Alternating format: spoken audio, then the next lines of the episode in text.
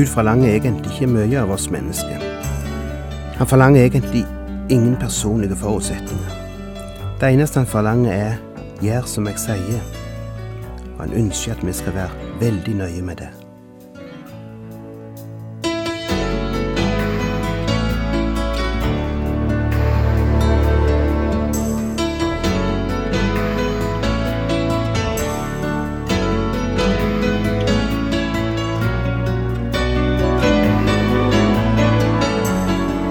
Hjertelig velkommen til et nytt program i serien Vindu mot livet.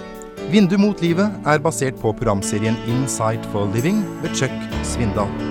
Programmet er produsert av Kristen Riksradio og blir ledet av Ola Bjoland.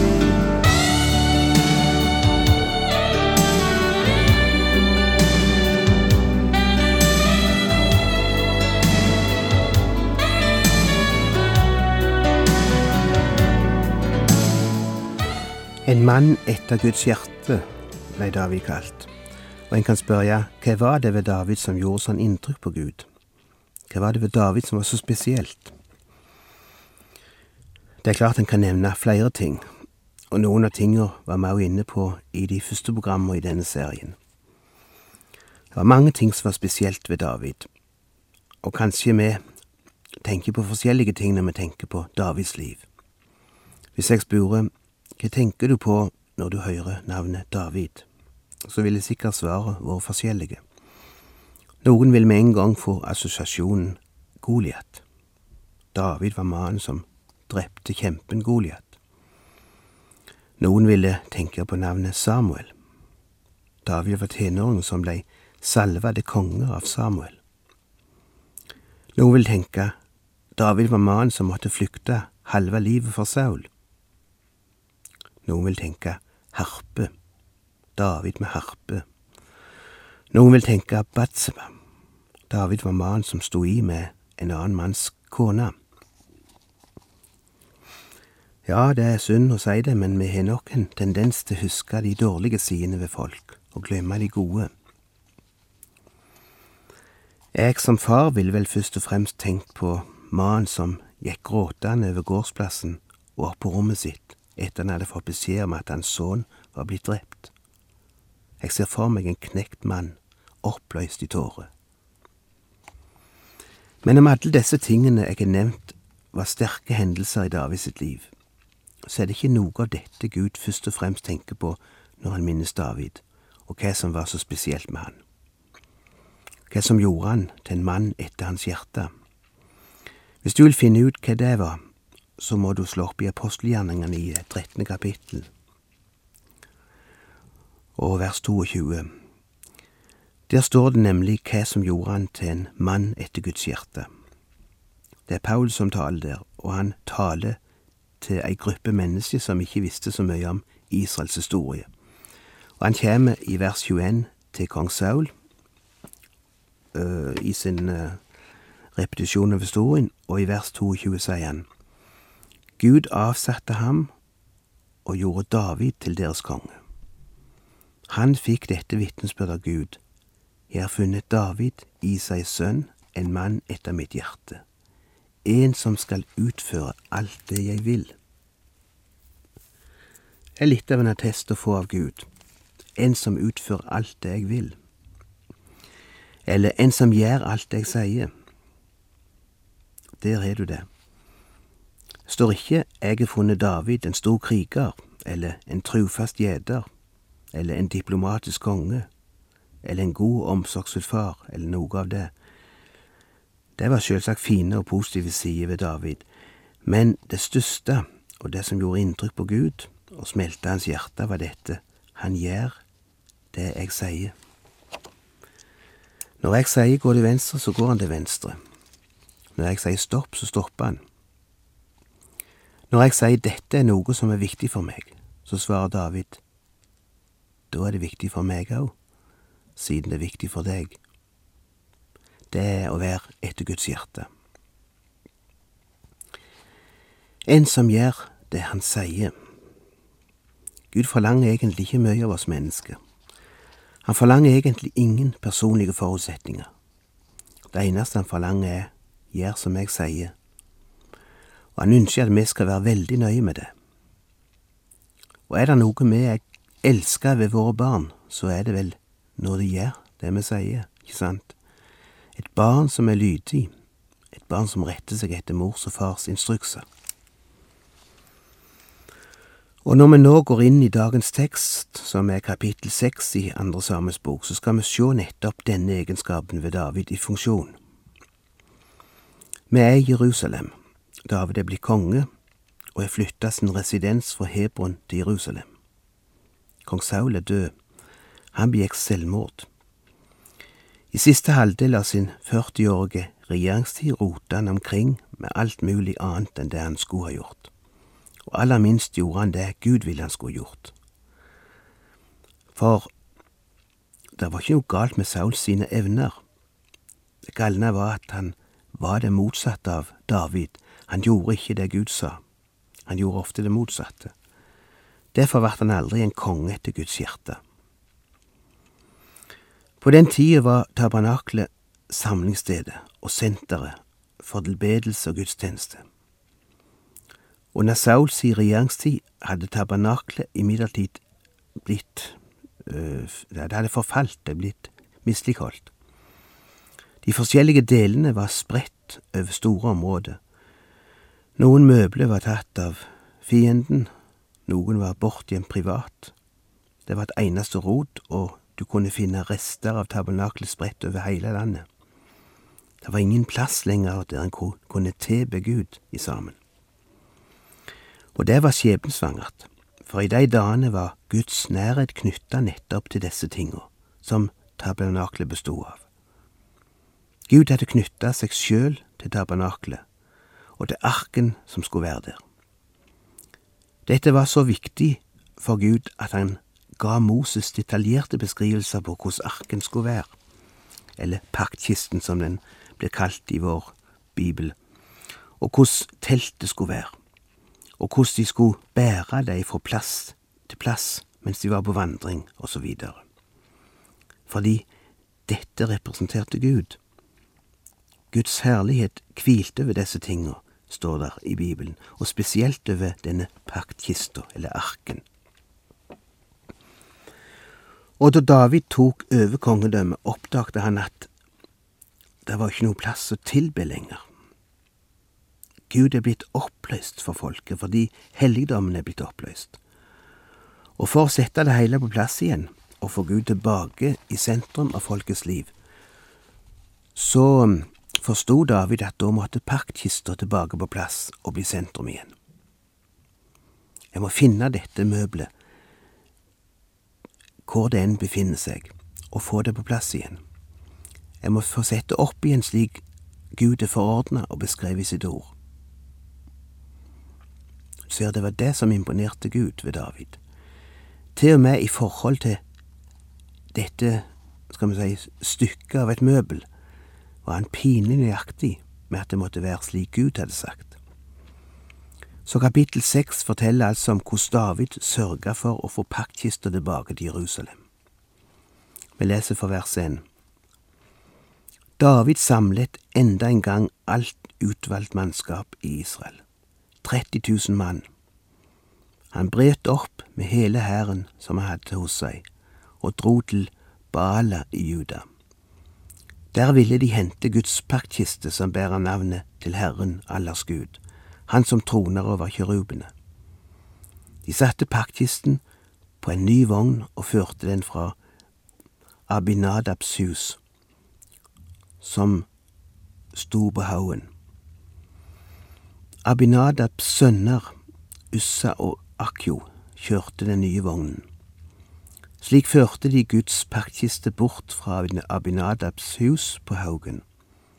Selv fulgte de med, og Akjo gikk foran paktkisten. David og hele Israels folk danset av all kraft for Herrens åsyn, og de sang til toner for lyrer og harper, trommer, bjeller og symbler. Jeg må si litt mer om sjølve paktkisten før vi går videre. Sjølve ordet, eller sjølve navnet ark, eller kiste, betyr rett og slett en kasse eller en boks. Tegningen til denne kista var det altså Moses som hadde lagt. etter instruksjon for Gud. Det skulle være en, eh, ei rektangulær kiste av tre, dekka av gull på innsida og utsida. Og så skulle den ha en slags gullkant rundt seg. En annen viktig del av kista var låget. Det ble kalt nådestolen. På hver side av låget var det gullkjeruber, som små skulpturer av engler lagd i gull. Og inni kista var det en slags, en slags skål som skulle inneholde manna. Og der var òg Aronsens stav, og der var det òg to steintavler, de to steintavlene med de ti bud. Ved denne kista var det altså Gud ville møte folket sitt. Er litt uvant for oss evangelske kristne i dag, kanskje. Men i den tida var alltid Gud knytta til bestemte plasser eller bestemte ting. Sjølsagt kunne Gud åpenbare seg fritt, midt ute på marka om han ville det, eller i et vanlig hus, eller hvor som helst. Men likevel, og kanskje først og fremst som, pedagog, som et pedagogisk hjelpemiddel, så knytta han seg til bestemte plasser, til alter som blei bygd, og ikke minst til tabernaklet og paktkista. Paktkista var hellig. Den var den mest hellige israelsfolket hadde. Det var et stykke materiale som i seg sjøl var heilt nøytralt, sjølsagt, men som Gud hadde skilt ut til å tjene et bestemt formål, skilt ut og knytta til sitt nærvær, og derfor blir det hellig. For det er jo det ordet hellig betyr. Hellig betyr utskilt, utplukka ifra det alminnelige og innviede Gud. Og Gud var så nøye med måla og formene og materialene på denne kista at han i andre Mosebok 25 foreskrev det hele i minste detalj.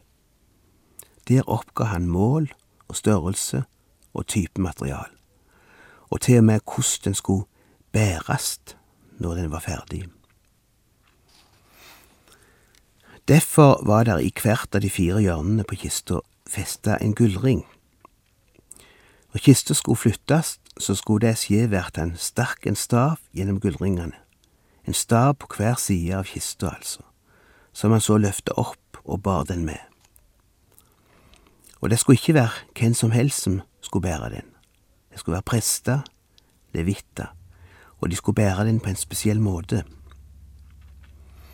Og grunnen til at jeg nevner noe av noen av disse detaljene her, er for å vise hvor viktig hver enkelt detalj var for Gud. Hver eneste en. Til og med hvordan en flytta kista var viktig for Gud. Og det var nettopp der David kom inn i problem og fikk seg en kraftig lærepenge. David var en pragmatiker, han tenkte praktisk og rasjonelt. Han visste at det var viktig å få parkkista tilbake til Jerusalem, og han tenkte den mest praktiske måte å gjøre det på, er å sette den på ei vogn og dra den. Se på vers tre igjen. De satte parkkisten på en vogn, en ny vogn, og førte den fra Abinadabs hus, som lå på haugen. Slik førte de Guds paktkiste bort fra Abinadabs hus på haugen. Selv fulgte de med, og Akjo gikk foran paktkisten. Men så hender noe, for vers seks. Men da de kom til Nakons treskeplask, rakte Ussa hånden ut mot Guds paktkiste og tok tak i den, fordi oksene ble ustyrlige. Da ble Herren brennende harm på Ussa. Gud slo ham på stedet fordi han hadde forsyndet seg og han døde der ved Guds paktkiste. Det var alt han gjorde, altså. Han strakte ut armene for å hindre at kista ramla av da oksene begynte å bli ustyrlige. Hva galt var det med det? Han kunne jo ikke, han kunne jo ikke ha gjort noe annet. Han kunne jo ikke la den ramle i, i, i bakken. Vel, det galne skjedde før dette. Kista ville aldri ha falt hvis de hadde gjort det på rett måte i forbindelsen. For i bokrullene hadde Gud foreskrevet tydelig at kista alltid skulle bæres når den skulle flyttes, og at den skulle bæres av folk som tilhørte levitene. Det skulle stikkes staver gjennom gullringene, og, de, og da skulle stavene legges på skulderen til de som bar, og slik skulle kista fraktes. Det hadde David glemt, eller oversett. Han tenkte praktisk. Han tok den letteste ruta, og gjorde det på den letteste måten. Forandre litt på noen detaljer i forskriftene, slik at det blir mer praktisk. En som sagt det sånn, gjør noe iallfall. Det spiller ingen rolle hva du gjør, eller hvordan du gjør det, bare du gjør noe. Endog om det du gjør er galt, så gjør det iallfall. Det er det motsatte av den rådgivning vi finner i Bibelen, for Bibelen sier ikke gjør noe før du gjør det rett. Spiller all, det spiller all verdens rolle hvordan du gjør det. Det skal gjøres på min måte, sier Gud.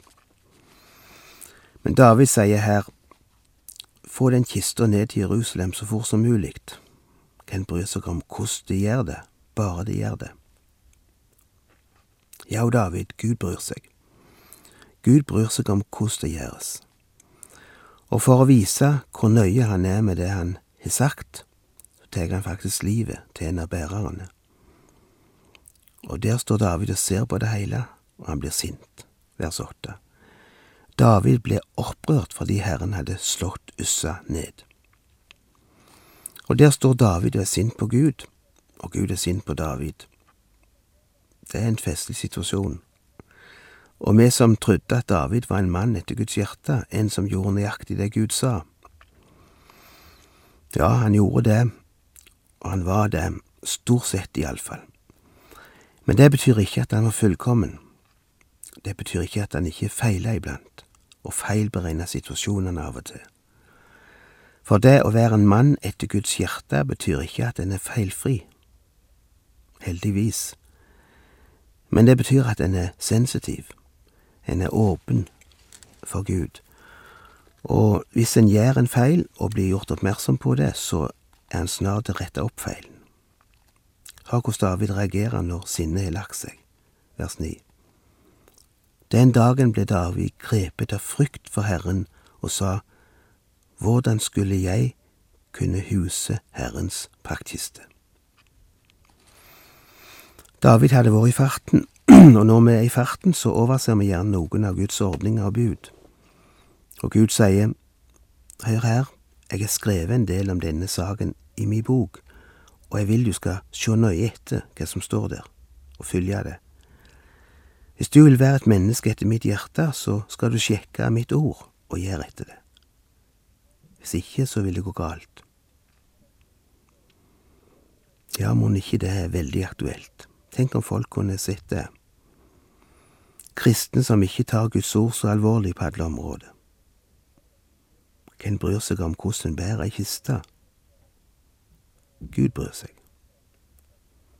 Hvem bryr seg om hvorvidt det blir stukket noen staver gjennom noen gullringer? Gud bryr seg. Hvis han ikke hadde brydd seg, så hadde han ikke sagt noe om det. Det er det som er hele poenget med denne fortellingen. Gud er veldig nøye med det han har sagt. Hvem bryr seg om slike små, praktiske bagateller som vi finner avgjemt innimellom sto, de store sakene i Guds ord? Gud gjør.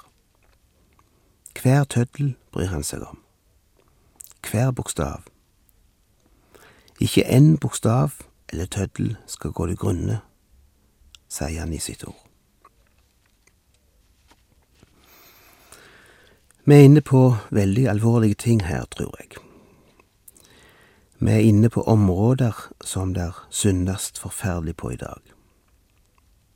Mennesker som kaller seg kristne, som kaller seg Jesu venner, men som ikke tar det så veldig nøye med ting han har sagt i sitt ord. Men Jesus sa, Hvem er mine venner? Dere er mine venner dersom dere gjør det jeg har befalt dere. Der må vi bryte i dag, midt i denne fortellingen, for det er mye mer her. Men vi skal fortsette neste gang, og vi skal se hvordan det går videre med denne transporten av paktkista, og hva vi kan lære av det.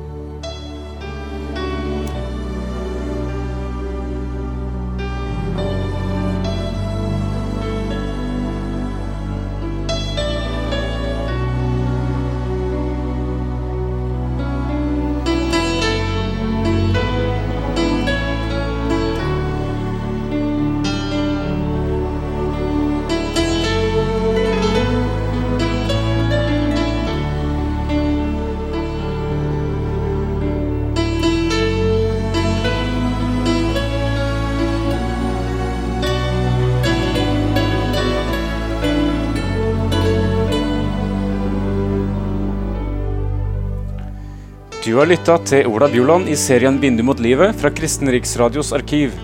Ola Bjoland var ansatt i Kristen Riksradio til han døde i 2002.